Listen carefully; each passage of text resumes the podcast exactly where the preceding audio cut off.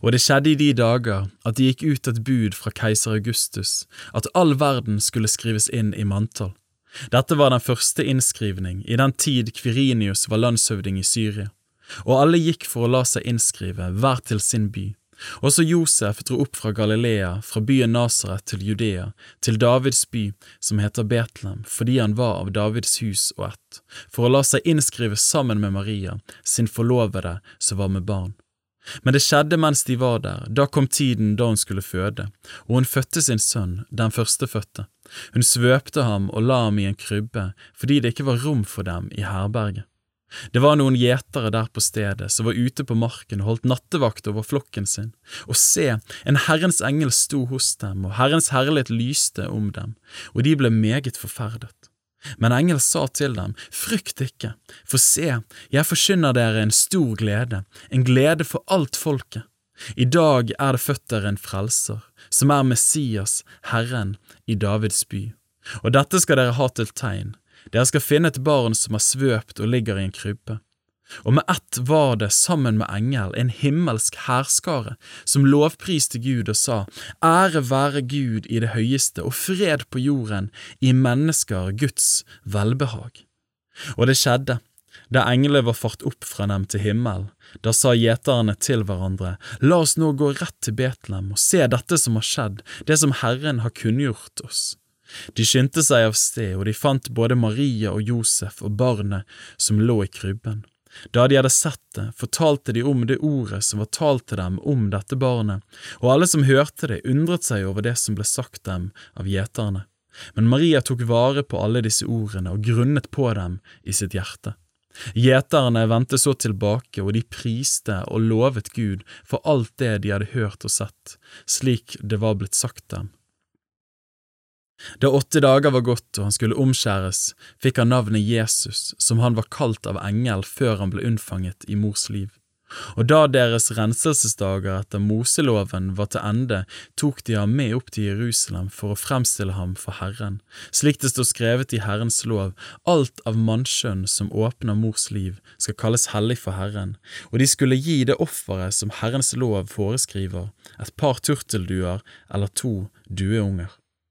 Og se, det var en mann i Jerusalem som hette Simeon, en rettferdig og gudfryktig mann. Han ventet på Israels trøst, og Den hellige ånd var over ham. Det var åpenbart for ham av Den hellige ånd at han ikke skulle se døden før han hadde sett Herrens Messias. Han kom til tempelet, drevet av ånden.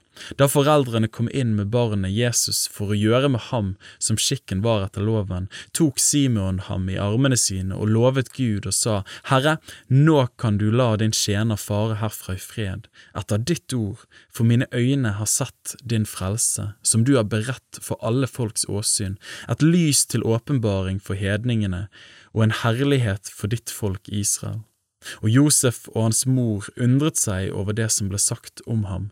Og Simeon velsignet dem og Satans mor Maria, Se, denne er satt til fall og oppreisning for mange i Israel og til et tegn som blir motsagt. Men også din egen sjel skal et sverd gjennombåre for at mange hjertets tanker skal bli åpenbart. Og det var en profetinne der, Anna, Fanuels datter, av Ashers stamme.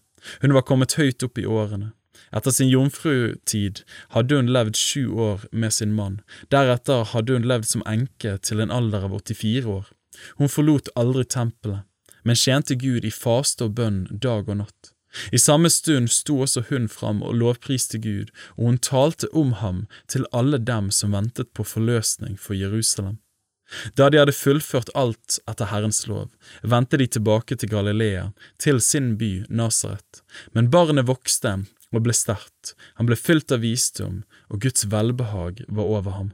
Hvert år dro foreldrene hans til Jerusalem til påskefesten, og da han var tolv år gammel, dro de dit opp, som skikken var ved høytiden.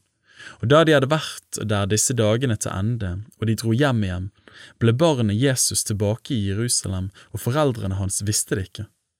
Men da de trodde at han var i reisefølge, gikk de en dagsreise fram og lette etter ham blant slektninger og kjente.